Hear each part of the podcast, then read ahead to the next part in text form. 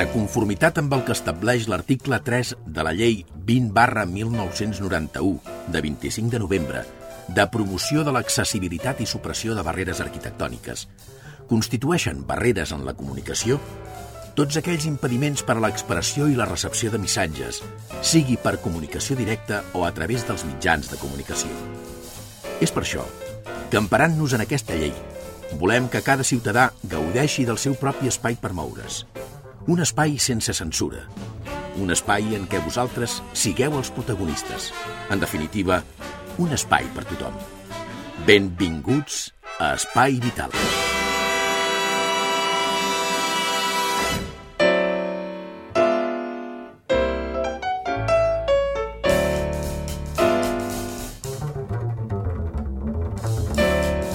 Senyores, senyors, què tal, com estan? Benvinguts, ben trobats. Una setmana més a un programa més. Vostès ja el coneixen, l'Espai Vital.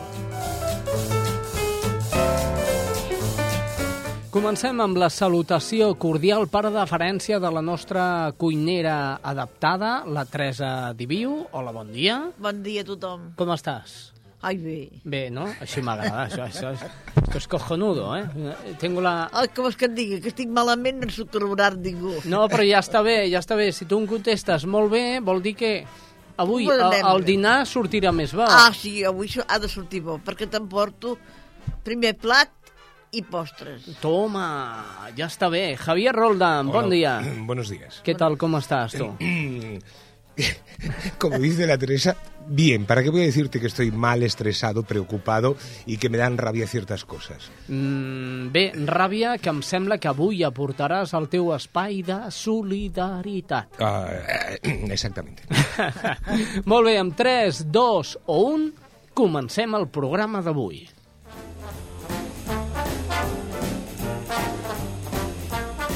Això és Espai Vital.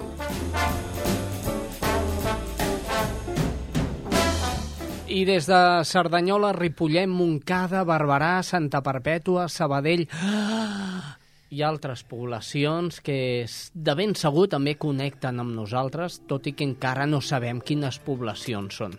De todo el mundo. Todo el mundo. ¿eh? Pueden. Además, a través de Internet, porque esto de Internet hoy en día hace que crezcan las cosas a un tamaño impresionante. Tú puedes estar en Ripollet y te están escuchando en Sevilla o, Sí, sí, sí. o en Estados Unidos. Tremendo, o- tremendo, ¿eh?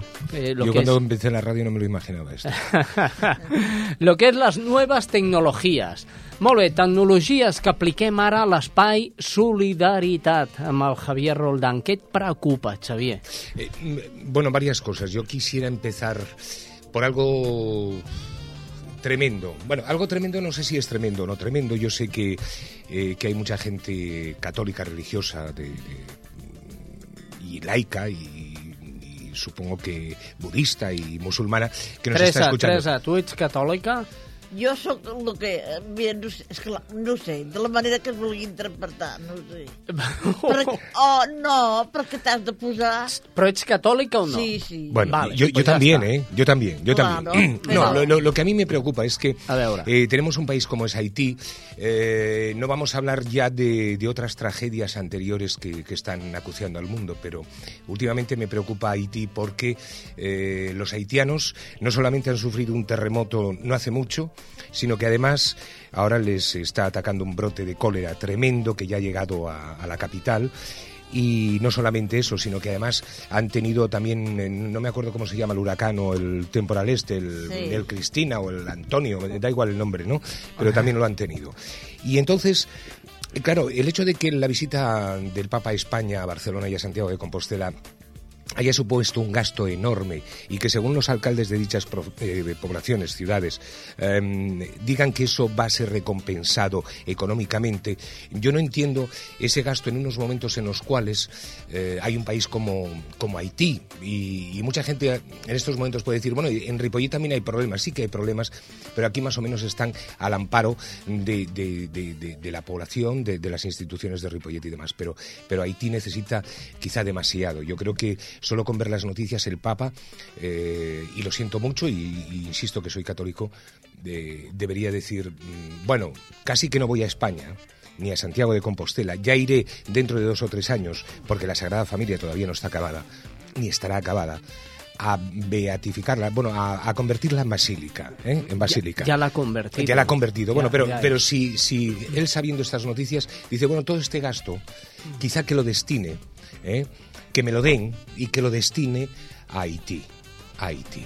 De ahí que, entre otras cosas, por ejemplo, eh, el Vaticano esté preocupado por la falta, la falta de fe la falta de nuevas eh, profesiones, de nuevos eh, sacerdotes.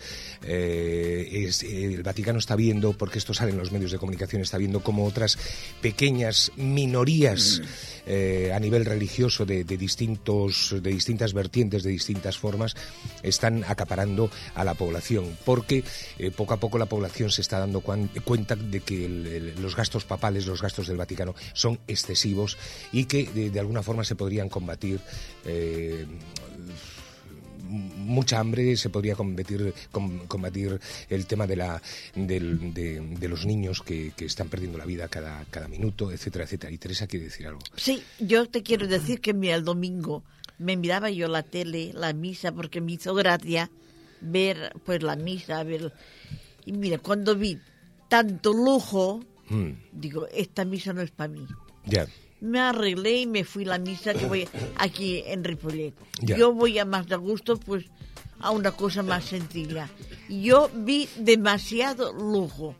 Este lujo es lo que te digo, dices tú. Podían repartirlo para los pobres. Bien, pero de alguna manera déjame opinar, aunque no es correcto que el moderador opine. Mm. Yo opino. Vale. Y vosotros me respetáis, pues soy, soy el que habla aquí ahora. Vale, de acuerdo.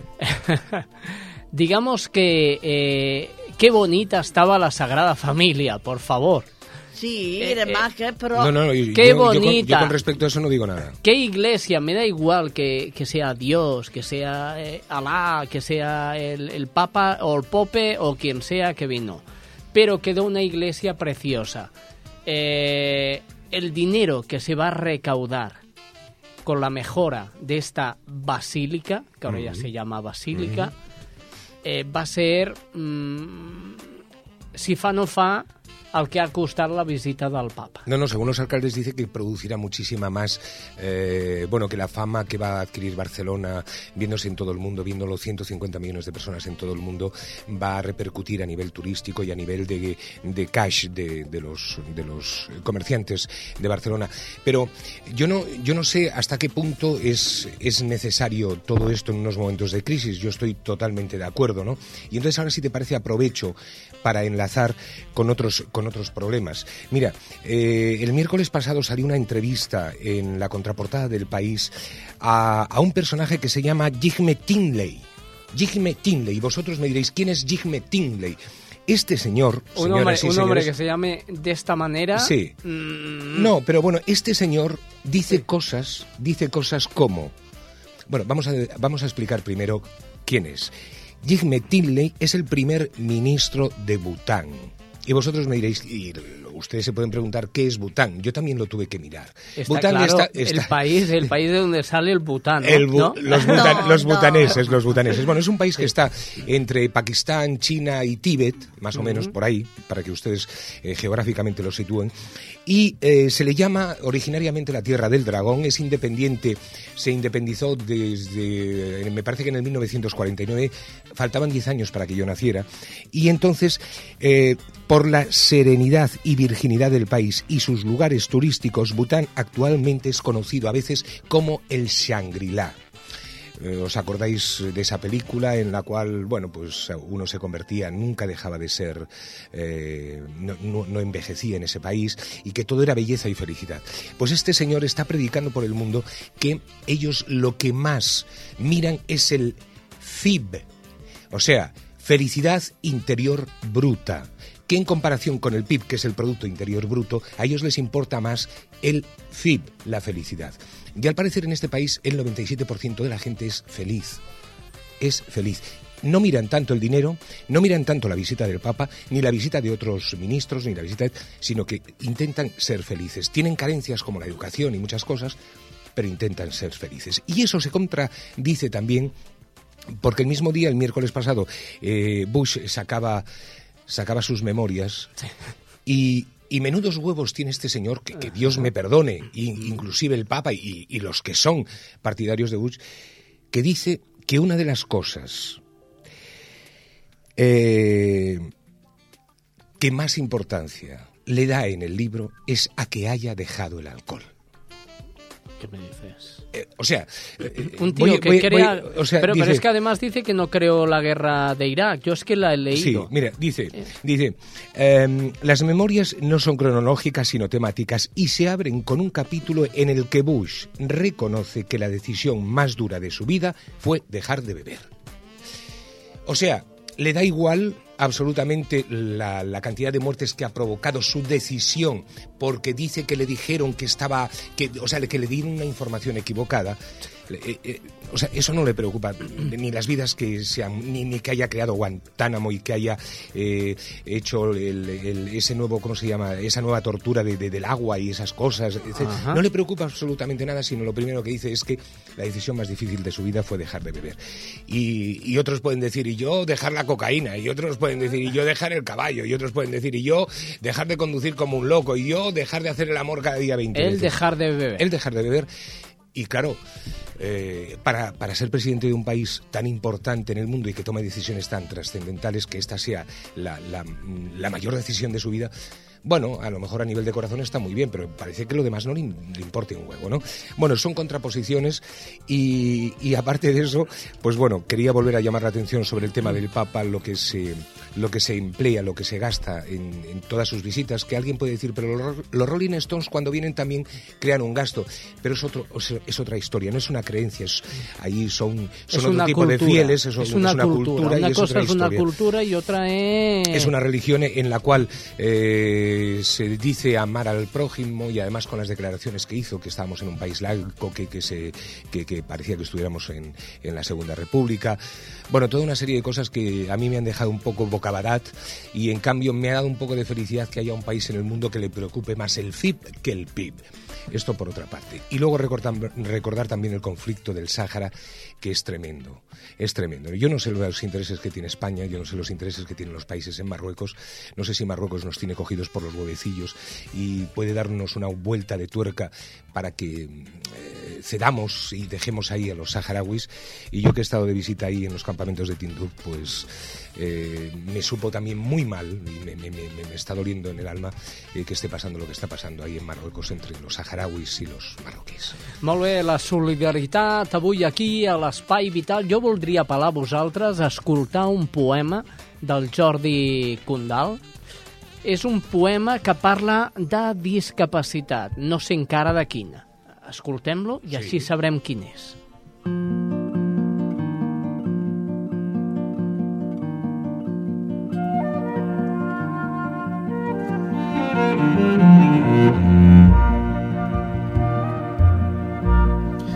Hola, amics d'Espai Vital. Hola, amic Xavi. Ja tornem a ser aquí i avui escoltem en Raimon. deixant amics i fills plorant entorn. E cascú d'ells a ses faldes Aquest eh, és un poema musicat per en Raimon de... em penso que és de l'Ausias Marc. Eh, és un poema molt antic, eh, que té molts segles de vida. Dolorits. L'esforçat aquell Javer Jaquits, Per què l'he posat? Perquè comença d'una manera semblant al poema que avui llegirem. I entenc que qui va escriure aquest poema, el Valerià Pujol, doncs es va inspirar amb aquesta manera de fer els poemes eh, de, que era pròpia de l'edat mitjana. Sí que ja més me veig delitós. El Valerià Pujol és un home que als 3 anys va caure greument malalt afectat de polio i això el va deixar eh, molt afectat per tota la seva vida. Eh, quan jo el vaig veure, quan jo el vaig conèixer, caminava amb dues crosses i realment tenia feina per bellugar-se. No menys que mort, a mi és avengut. Possible, eh, és un home que va morir, jo no sabria dir ara si als 30 i tants o als 40, va morir jove. I possiblement els nostres oïdors se'n recordaran de la, del que va ser una anècdota que es va comentar en aquella època. Tot so que veig me porta en record lo mal presente, lo que per La locutora del telediari, quan va donar la notícia, es va fotre a plorar. Penso que era la Melero.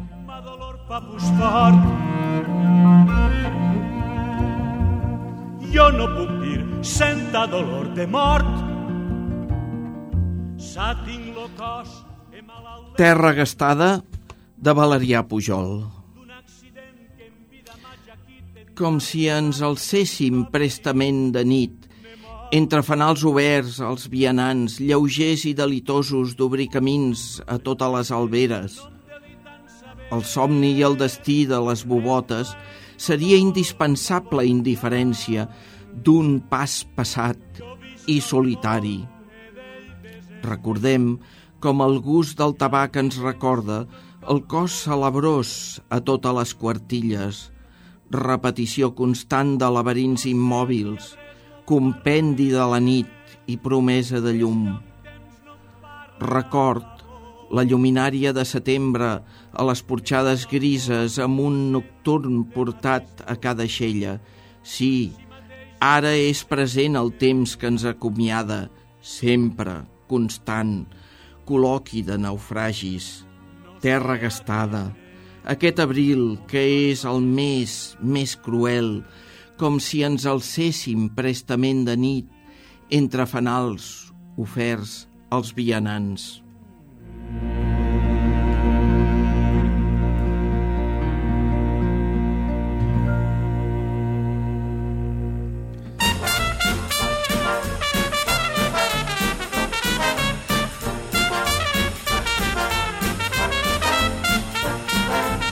Espai Vital.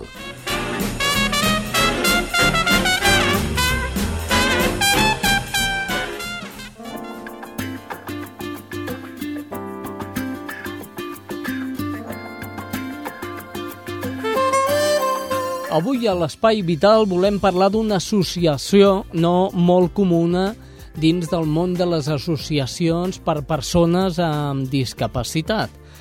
Aquesta associació es diu Àrea Adaptada i és una de les participants de la Marató de TV3. Què és Àrea Adaptada? Quines feines o quines funcions fa per la gent amb discapacitat? Doncs li preguntem al seu president, ell és l'Albert Font. Bon dia, Albert. Bon dia. Molt bé. Quines, quines són les tasques que porteu a terme des d'àrea àrea adaptada? Doncs bé, mira, eh, tenim dos grans famílies d'activitats. Unes són les activitats que van destinades a les persones amb discapacitat i en concret en esport adaptat per persones amb discapacitat i una altra gran activitat, una altra gran àrea és l'ensenyament en valors i creixement intel·lectual dels nens petits, dels nadons. Molt bé. Dins d'aquestes dues grans àrees, Sí. a la que correspon a l'esport adaptat, Mhm. estem concentrats en dos esports, en submarinisme adaptat i en bicicleta adaptada. Eh, això no vol dir que només feu, feu això. Jo tinc entès que tennis adaptat també fèieu. Bé, nosaltres vam posar en marxa l'escola de tennis del Vallès Mhm. i hem ajudat també diverses iniciatives en el canal olímpic, per exemple, en caiac i rem, vale? adaptat. Sempre parlem de l'esport adaptat. Sí. Vale? També eh, col·laborem amb alguna fundació mm, de caire, de, de hipoteràpia, amb cavalls, Mhm. eh, i, tam, bueno, i altres associacions. És que treballem amb, amb diverses activitats. Però diguem-ne que aquestes, aquests, aquestes aportacions són més puntuals. No, no tenen una, mm, una constant eh, retroalimentació de la nostra part, sinó que quan ens necessiten els hem ajudat o quan, per exemple, algun dels nostres esportistes doncs, necessita que, que el dirigim cap a quin esport poden anar, doncs, si podem els orientem, no? És a dir, que li creeu l'expectativa amb aquesta persona que ha de fer aquest esport. Mm? Li creem l'expectativa o potser li, li, Li actuem creeu. una miqueta com a consultors, no? Perquè potser pel fet de que també ja fa molts anys que jo vaig en cadira de rodes, Sí. doncs eh, tinc un coneixement potser una miqueta ampli de, de, dels tipus d'esports que es poden desenvolupar i segons la discapacitat que té la persona saps que pot tenir més aptituds cap a una banda o cap a l'altra. Quins són els esports que millor se li donen a una persona sentada en una cadira? Home, aviam, els més, eh, els més eh, diguem-ne, populars són la natació, eh, el bàsquet, mm, el tennis també, té moltíssima sortida, etc. oi? Eh, justament nosaltres ens hem, en, o, diguem-ne que ens hem concentrat molt amb el submarinisme i amb, el, amb, el, amb la bici adaptada perquè són dos esports que històricament han estat una miqueta abandonats. En el cas del submarinisme és comprensible perquè és un esport complex, eh, es requereix doncs, uns coneixements tècnics, diguem-ne que per fer submarinisme t'has de treure el carnet, és com si traguessis el carnet de conduir, no? Has d'aprendre tota una colla de tècniques pel material que utilitzes que té una certa complexitat tècnica. Però en el cas de la bicicleta adaptada és més flagrant. Eh, el que ens ha sabut, com jo quan vaig començar a conèixer la bici adaptada, em va saber molt de greu que no fos molt més popular del que ja és. Uh, I amb això estic treballant-hi moltíssim i la veritat és que est estem tenint unes audiències de gent, de, unes afluències en cada una de les activitats que fem de bici adaptada doncs molt grans, amb una, amb una gran repercussió. Adaptem-nos, eh, centrem-nos potser amb el submarinisme adaptat, que és el que, el que més sabeu fer, eh, entre, així, entre tots el que més. I eh, la vostra participació a la Marató de TV3. Eh, feu submarinisme adaptat eh, per totes aquelles persones que tinguin algun tipus de discapacitat eh, i la recaptació de- de- d'apuntar-se. De les matrícules De les matrícules, sí senyor. Les, mat les matrícules van directament a la Marató de Exactament, TV3. sí. Explica'm una mica més això. Bé, doncs el que, eh, aviam, nosaltres el que sempre intentem indicar a les persones que volen fer submarinisme per primera vegada és que el submarinisme no és un esport barat, és una miqueta car. Mm, Una miqueta també, pel que et comentava abans, del material que necessites és un material que val diners.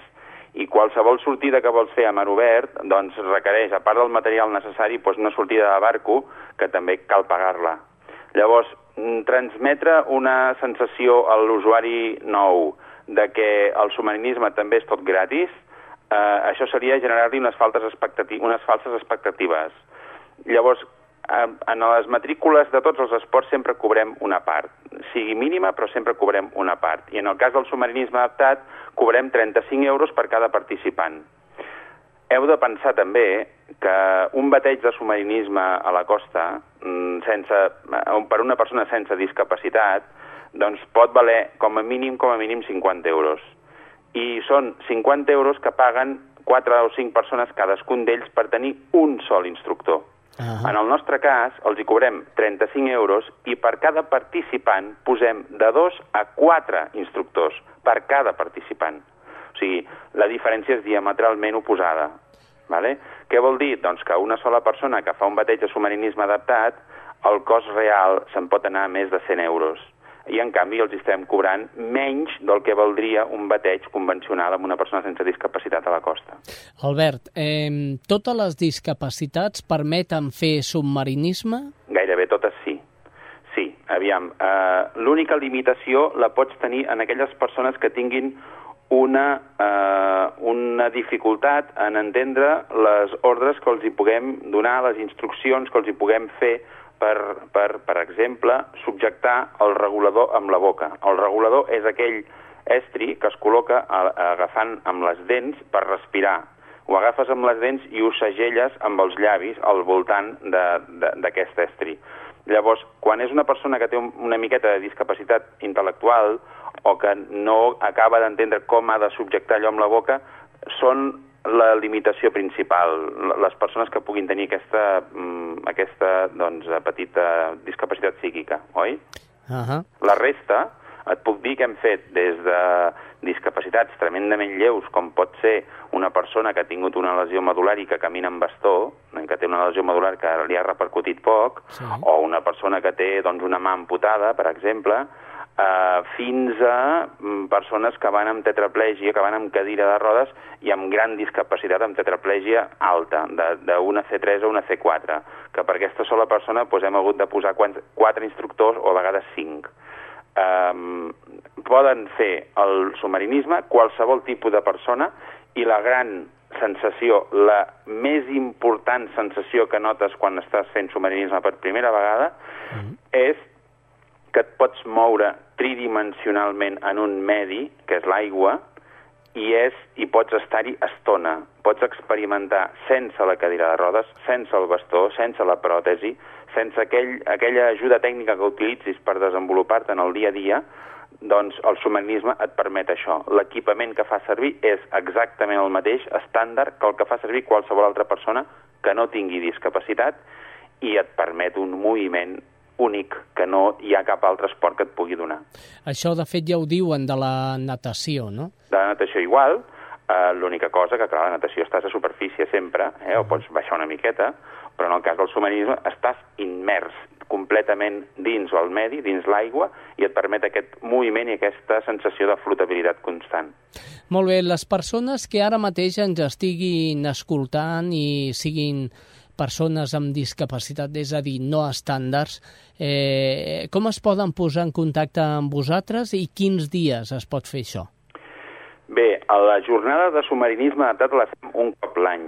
La fem eh, aquest any el 28 de novembre, que és diumenge, el proper 28 de novembre, d'aquí a dues setmanes, i el, el, la fem un cop a l'any perquè hem de mobilitzar moltes persones.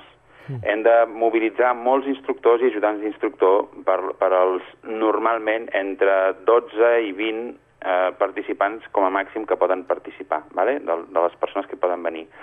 Depèn del tipus de discapacitat, poden venir més o poden venir menys. Si, per exemple, té una discapacitat molt lleu, doncs jo sé que aquella persona només amb un sol instructor ja en tindrem prou. Però si em vinguessin quatre tetraplègics, doncs llavors necessito més instructors. ¿vale? El, ho fem un cop l'any perquè també els instructors al llarg de l'any van tots amb molta feina de, de la seva pròpia activitat d'instructor per totes les persones que no tenen discapacitat. I d'altra banda també ho fem només un cop l'any perquè no hi ha tanta demanda com perquè s'hagi de fer més vegades l'any. Molt bé, doncs eh, donem el telèfon d'àrea. Àrea adaptada associació, el 93 736 2520, o poden entrar a la nostra pàgina web, areaadaptada.org, o sigui, 3 dobles Bs, areaadaptada.org, o col·loquin el, en el Google, en el buscador, àrea adaptada, i els sortirà de seguida a la pàgina web, i allà veuran l'anunci d'aquesta propera activitat de submarinisme adaptat, i si volen ens poden enviar un e-mail o omplir un formulari i eh, ràpidament ens posarem en contacte amb ells.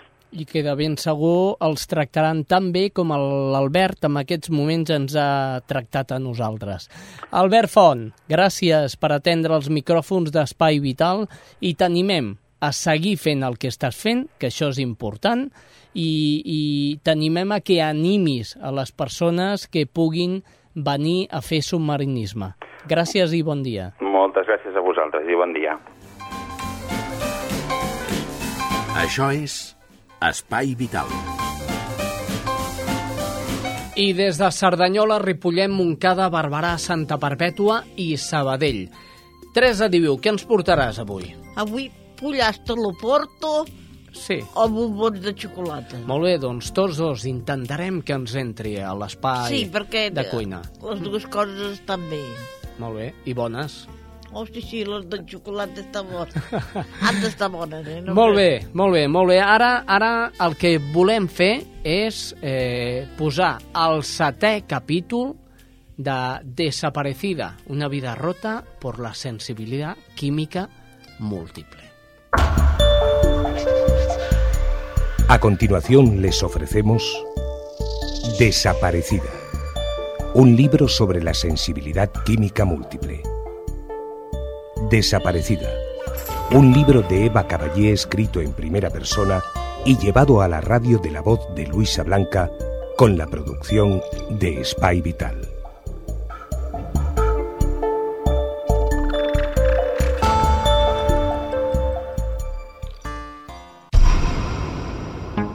Ojalá alguien me hubiese avisado de que había enfermedades no reconocidas y que los médicos o no me podrían ayudar o no me tomarían en serio. El calvario que viví esos dos años hasta conseguir un diagnóstico es enteramente culpa de nuestro Estado y de la Organización Mundial de la Salud. Yo soy un caso de libro y a los dos meses debería haber tenido diagnóstico, lo cual habría sucedido si la sensibilidad química múltiple estuviera reconocida.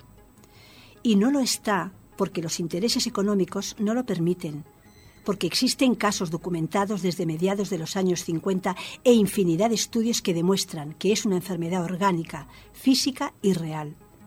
En vez de esto, me arrastré durante dos años, llegando a una decadencia física brutal, que probablemente ha mermado mis expectativas de mejora. La misma sociedad que me ha dejado enfermar exponiéndome gratuitamente a sustancias tóxicas, cuando muchas de ellas de sobra se sabe que son nocivas, Luego me negó un diagnóstico y una asistencia sanitaria.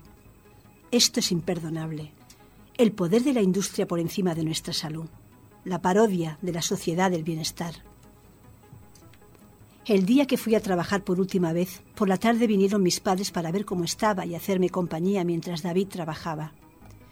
Quise salir un rato para que me tocara el aire, pero a los cinco minutos, cuando estábamos cruzando el parque que teníamos al lado de casa, me empecé a ahogar esta vez era diferente. Además de la mano invisible asfixiándome, se me cerró la garganta de golpe. Volvimos rápidamente a casa.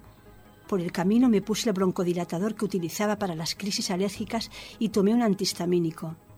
No me hacían nada. Llamamos a mi alergólogo y me recomendó que me pusiera un urbasón, la inyección de cortisona que utilizaba para las crisis alérgicas. Mi madre me la puso y algo me hizo, pero muy poco. Me quedé en la cama, asustada, sin entender qué me pasaba, porque esta vez no había notado ningún olor, tan solo había notado el aire muy cargado y hasta espeso, en la que fue una fría y húmeda tarde de invierno. Tenía fiebre, pero solo unas décimas, y me molestaba mucho la calefacción. En realidad me ahogaba. Tuvimos que quitarla. Nunca más la he vuelto a tolerar.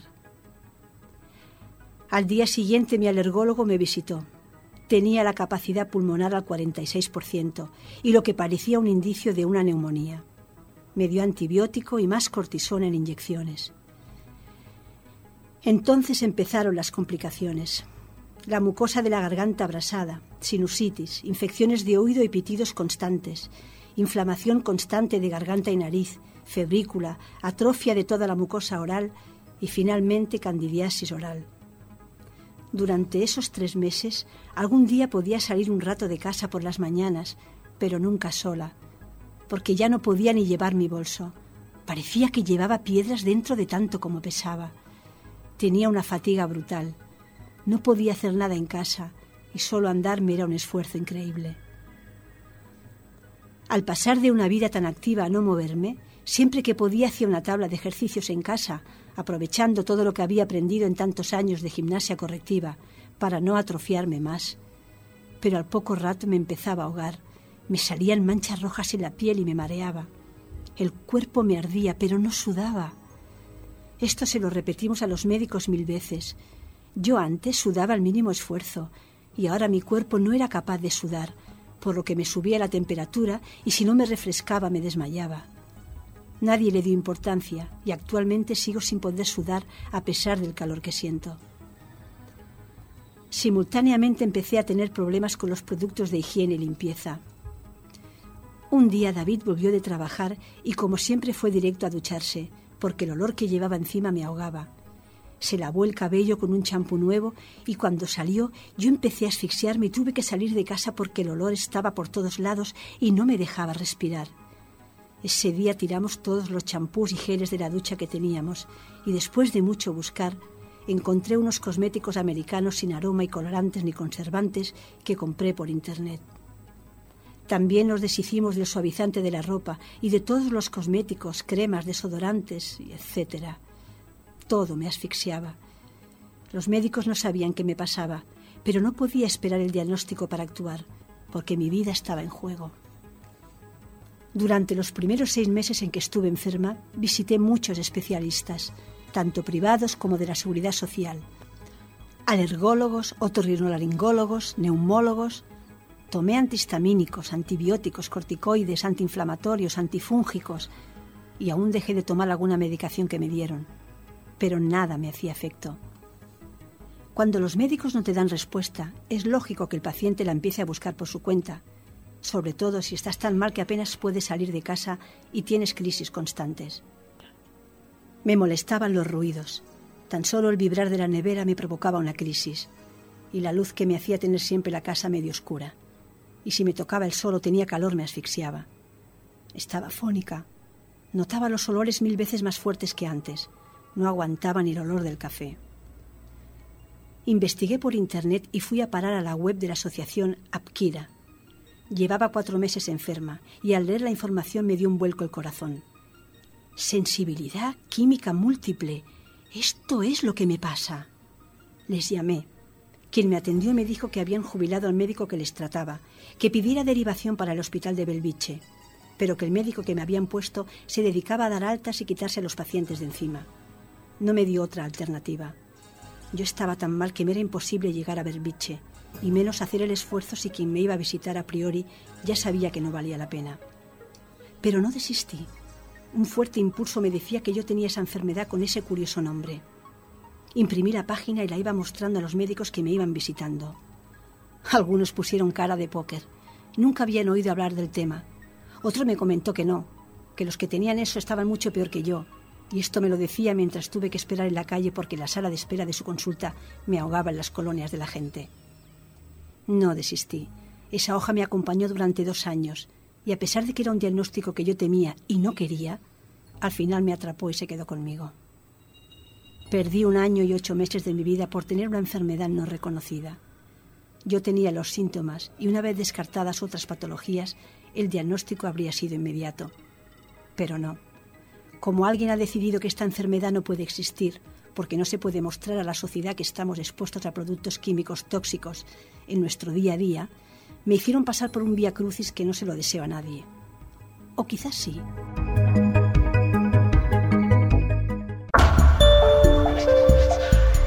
Y hasta aquí, Desaparecida. Un libro sobre la sensibilidad química múltiple. Desaparecida. Un libro de Eva Caballé escrito en primera persona y llevado a la radio de la voz de Luisa Blanca con la producción de Spy Vital. Desaparecida un libro de la editorial El Viejo Topo.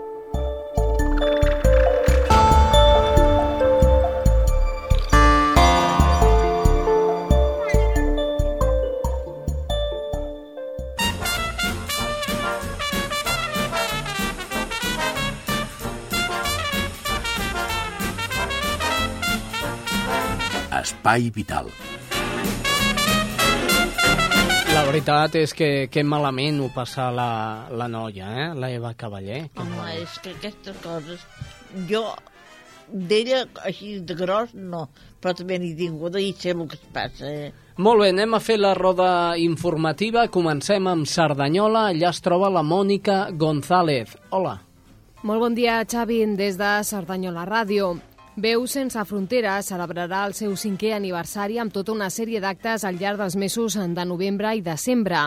Entre el dia 20 de novembre i el 14 de desembre es podrà veure a l'Ateneu una exposició gràfica sobre la tasca feta els darrers cinc anys.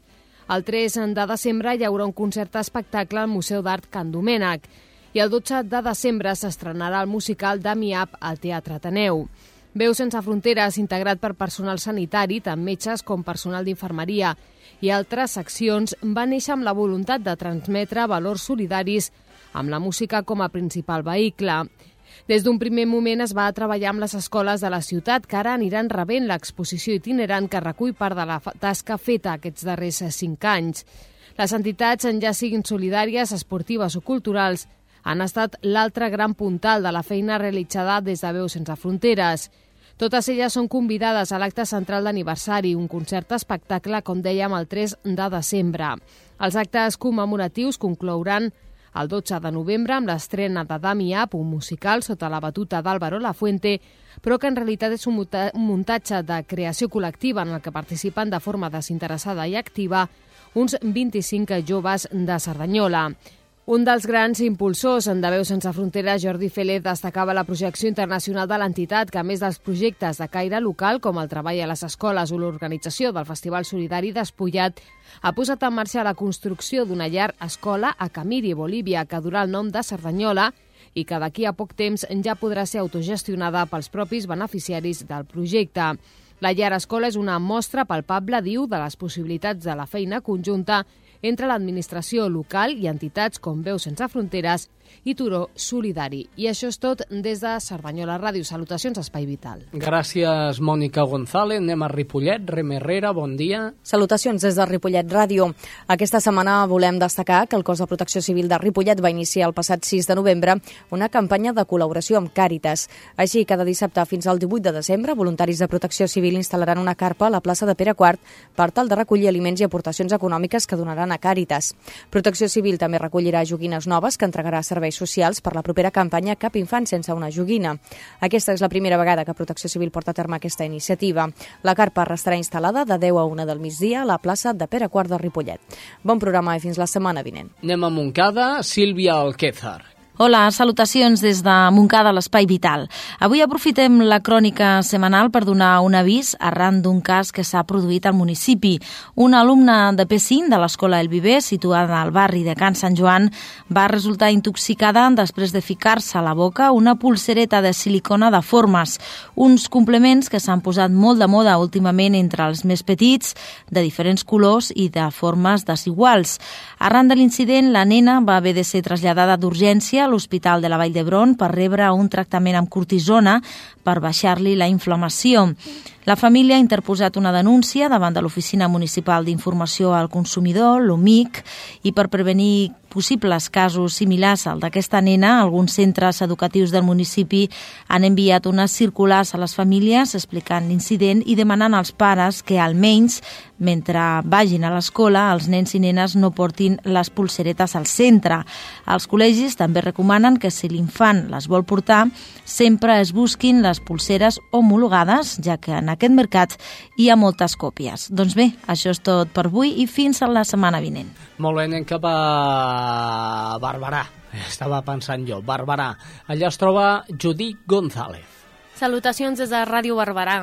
El passat dissabte, dia 6 de novembre, l'associació Corazón de León va organitzar a la plaça de la Vila de Barberà del Vallès tot un seguit d'activitats per conscienciar la població i donar suport a les famílies i als nens i nenes amb càncer. Des de dos quarts d'onze del matí fins dos quarts de dues de la tarda, l'entitat va dur a terme tot un seguit de tallers, jocs gegants i pallassos pels més petits.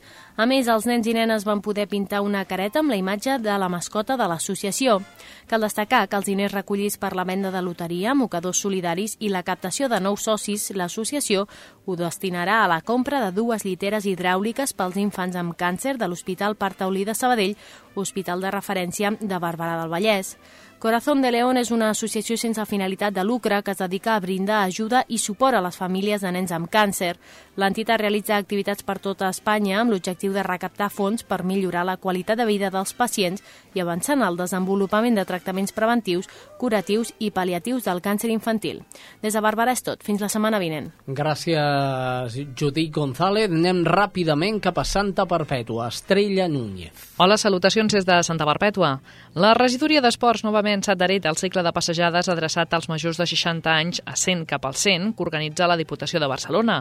Es tracta d'un cicle que pretén recuperar el costum de caminar per l'entorn rural dels municipis i al mateix temps fomentar les relacions interpersonals. La temporada passada Santa Perpètua ja estava adherida a aquest cicle de passejades que va canviar llavors de format. L'any passat Santa Perpètua estava en el grup de Cornellà, Granollers i Cerdanyola del Vallès. Aquest any s'han canviat els grups perquè els participants coneguin altres indrets. El cicle consta de quatre passejades diferents i la primera serà el 18 de novembre a Sant Andreu de la Barca. La segona serà a Santa Perpètua, el 17 de febrer, i les altres dues es desenvoluparan a Igualada i Berga els mesos de març i abril. La mitjana de participació perpetuenca la temporada passada va ser d'una trentena.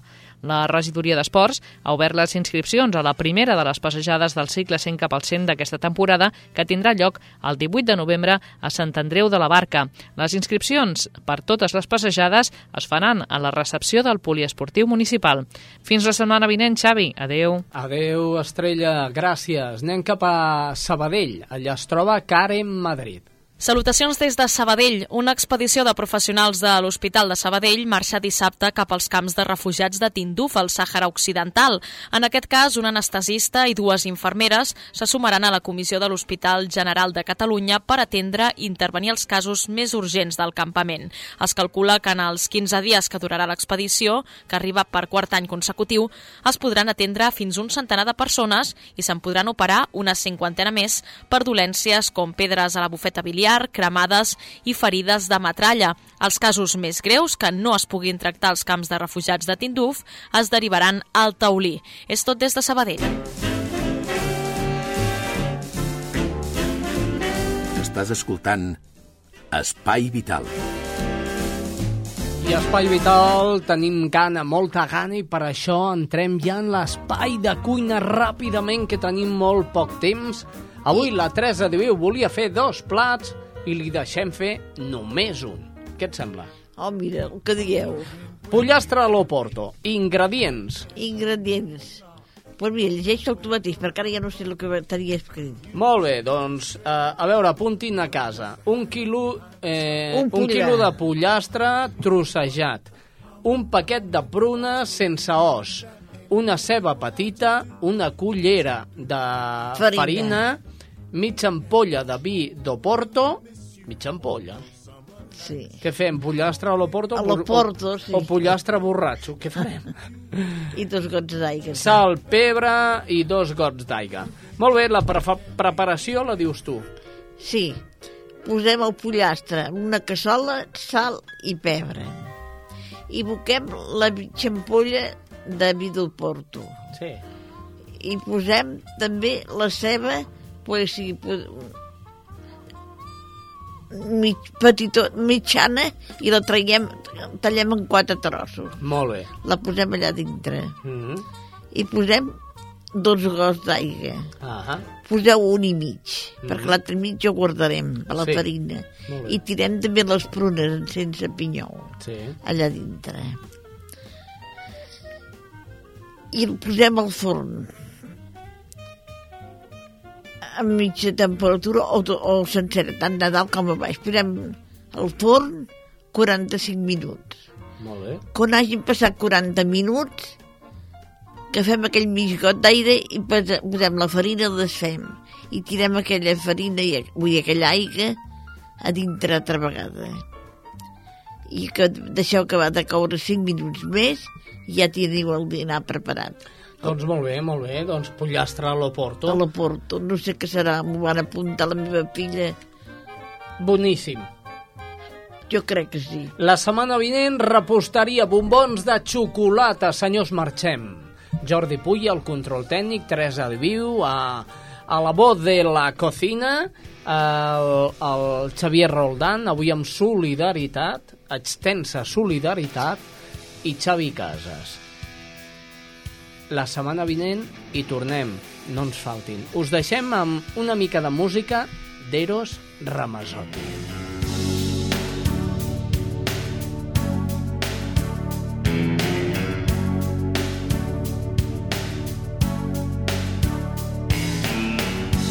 Son humanas situaciones, los momentos de los dos, la distancia, las pasiones, encontrar una razón. Hoy, como siempre,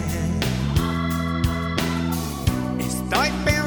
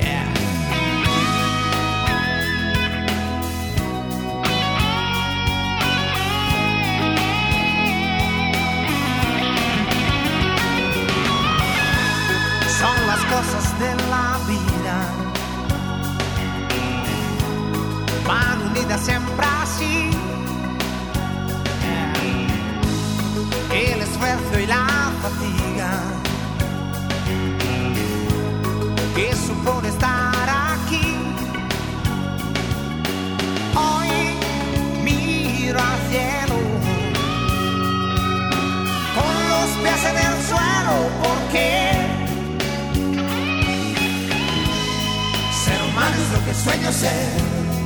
Yeah, mine. Con mis manos yo las cantaré. Sí, porque ser humano es lo que quiero ser. Que quiero ser. Con mis manos yo lo alcanzaré. Son las cosas de la vida. Nunca me acostumbraré.